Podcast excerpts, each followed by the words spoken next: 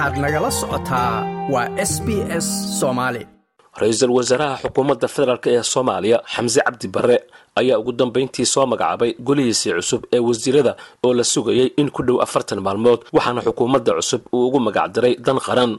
Golaha wasiirada cusub ayaa ka kooban ra'iisul wasaare ku-xigeen shan iyo labaatan wasiir shan iyo labaatan wasiir ku-xigeen iyo afar iyo labaatan wasiir dowle iyadoo shan iyo labaatan wasaaradood ay ka kooban tahay waxaana la baabi'iyey wasaaradda gargaarka iyo masiibooyinka iyadoo lagu bedelay wasaaradda bay-ada iyo isbeddelka cimilada. Wasaaradda dastuurka ayaana la hoosgeeyey wasaaradda cadaaladda ee xukuumadda ra'iisul wasaaraha xukuumadda federaalk xamse cabdi barre oo ka hadlay munaasabadda magacaabista golaha xukuumadda ayaa sheegay in ay muhiim tahay wadatashi dheer kadib in uu soo magacaabo xukuumad uu ku soo xushay aqoon iyo karti isagoona golaha baarlamaanka federaalk ee soomaaliya ka codsaday inay ansixiyaan golihiisan cusub.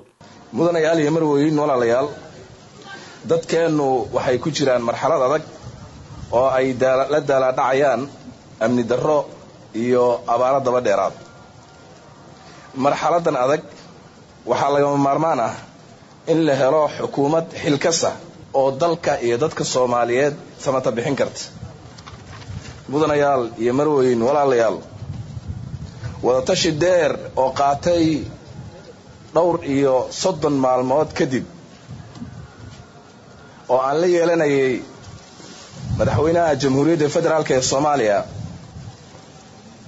guddoonka labada aqal ee baarlamaanka xubnaha labada aqal ee baarlamaanka iyo dhammaan qaybaha kala duwan ee bulshada soomaaliyeed.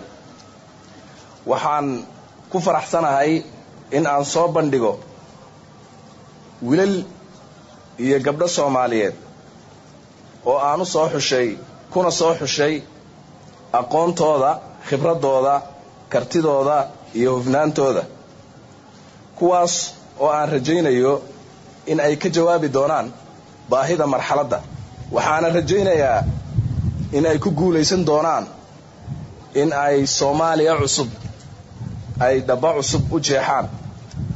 Ayagoo aan aaminsanahay in ay hirgelin doonaan barnaamijka weyn iyo aragtida weyn ee madaxweynaha jamhuuriyadda federaalk ee soomaaliya oo halkudheggiisu yahay soomaali heshiisah dunidana heshiis laah waxaan si xushmad iyo karaama ku dheehan tahay uga codsanayaa golaha shacabka ee sharafta leh in ay ansixiyaan xukuumadda cusub oo aan ugu magacdaray xukuumadda dan qaran iyo barnaamijkeeda oo aan si deg dega u horkeeni doono. Ugu dambayn waxaan shacabka soomaaliyeed meel kastoy joogaan ugu baaqayaa in ay soo dhoweeyaan lana shaqeeyaan xukuumadda cusub ee dan qaran si ay u gudato waajibaadka qaran ee culayska badan.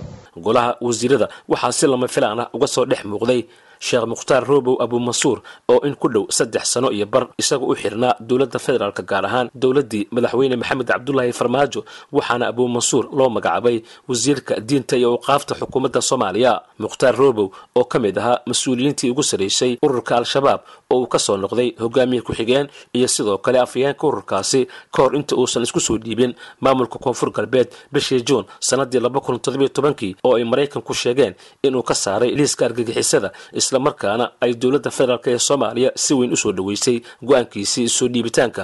Hase yeeshee bishii diseembar iyo tobankii ayay dowladda federaalk ka soo xirtay magaalada baydhabo ee xarunta gobolka baay xilligaasoo uu doonayay inuu u tartamo xilka madaxweynaha koonfur galbeed. Dowladda federaalk soomaaliya ayaana tani xilligaasi xabsi guri ku yaalla muqdisho ku xirtay mukhtaar roobow iyadoo hadda si lama filaan ah uga soo dhex muuqday golaha wasiirada cusub taasoo dad badan ay siyaabo kala duwan uga hadleen afayeenka xukuumadda soomaaliya farxaan maxamed jimcaale ayaana ugu horrayntii ku dhawaaqay liiska shan iyo labaatanka wasiir ee xukuumadda cusub.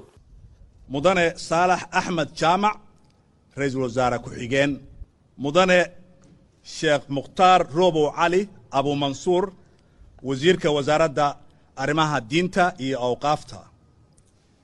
Mudane xasan macalin maxamuud wasiirka wasaaradda cadaaladda iyo dastuurka mudane axmed macalin fiqi wasiirka wasaaradda arrimaha gudaha federaalka iyo dib u heshisiinta mudane doctor cilmi maxamuud nuur wasiirka wasaaradda maaliyadda. Mudane cabduqaadir maxamed nuur wasiirka wasaaradda gaashaandhigga. Mudane abshir cumar huruuse wasiirka arrimaha dibadda iyo iskaashiga caalamiga. Mudane faarax sheekh cabduqaadir wasiirka wasaaradda waxbarashada iyo tacliinta sare.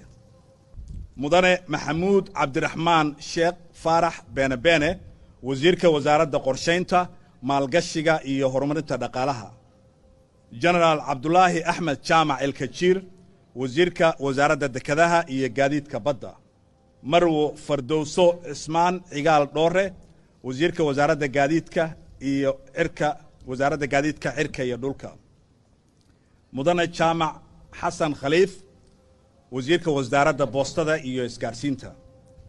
Mudane xasan xuseen maxamed xasan eelaay wasiirka wasaaradda xanaanada xoolaha dhirta iyo daaqa. Marwo khadiijo maxamed diiriye wasiirka wasaaradda haweenka iyo xuquuqul insaanka.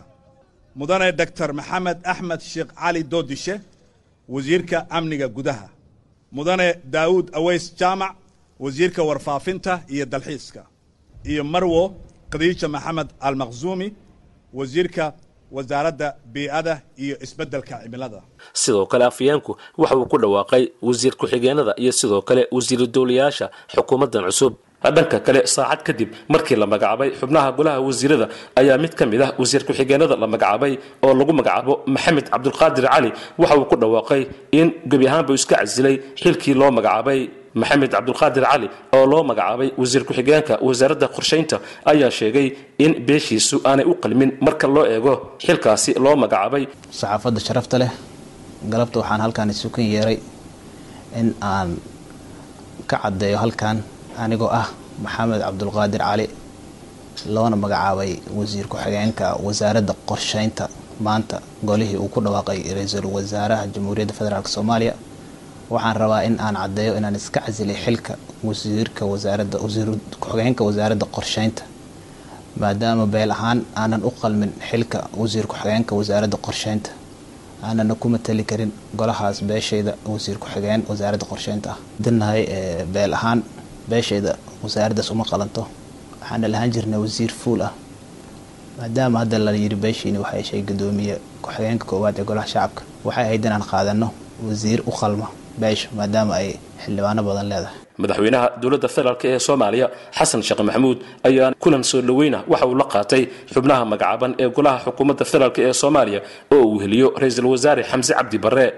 Madaxweynaha ayaa ku bogaadiyey ra'iisul wasaare xamse la tashiyada ballaaran ee uu la sameeyey iyo dadaalka uu ku bixiyey dhismaha xukuumad tayo leh oo hanan karta himilada shacabka soomaaliyeed madaxweyne xasan sheekh maxamuud waxa uu kula dardaarmay golaha xukuumadda cusub inay xoogga saarto xaqiijinta amniga gurmadka abaaraha dib heshiisiinta dhammaystirka dib u eegista dastuurka horumarinta dowladnimada iyo kaabayaasha nololeed ee shacabka soomaaliyeed. Sidoo kalena ay hagaajiso xidhiirka diblomaasiyadeed ee soomaaliya ay la leedahay dunida inteeda kale madaxweynaha ayaana waxa uu ka codsaday xildhibaanada golaha shacabka ee baarlamaanka federaalk soomaaliya inay ansixiyaan xubnahan si ay si deg deg ah ugu gutaan waajibaadkooda qaran ee loo igmaday. Si kastaba golahan cusub ee xukuumadda federaalk soomaaliya oo ka kooban lix iyo toddobaatan xubnood ayaa la filayaa in maalmaha soo aadan la horgeeyo golaha baarlamaanka federaalk ee soomaaliya si codka kalsoonida loogu qaado. Haddii golaha baarlamaanka uu meel maryana waxaa looga fadhiyaa inay qabtaan shaqo aad u culus oo ku aadan wax ka qabashada arrimaha amniga iyo dhaqaalaha iyadoo soomaaliya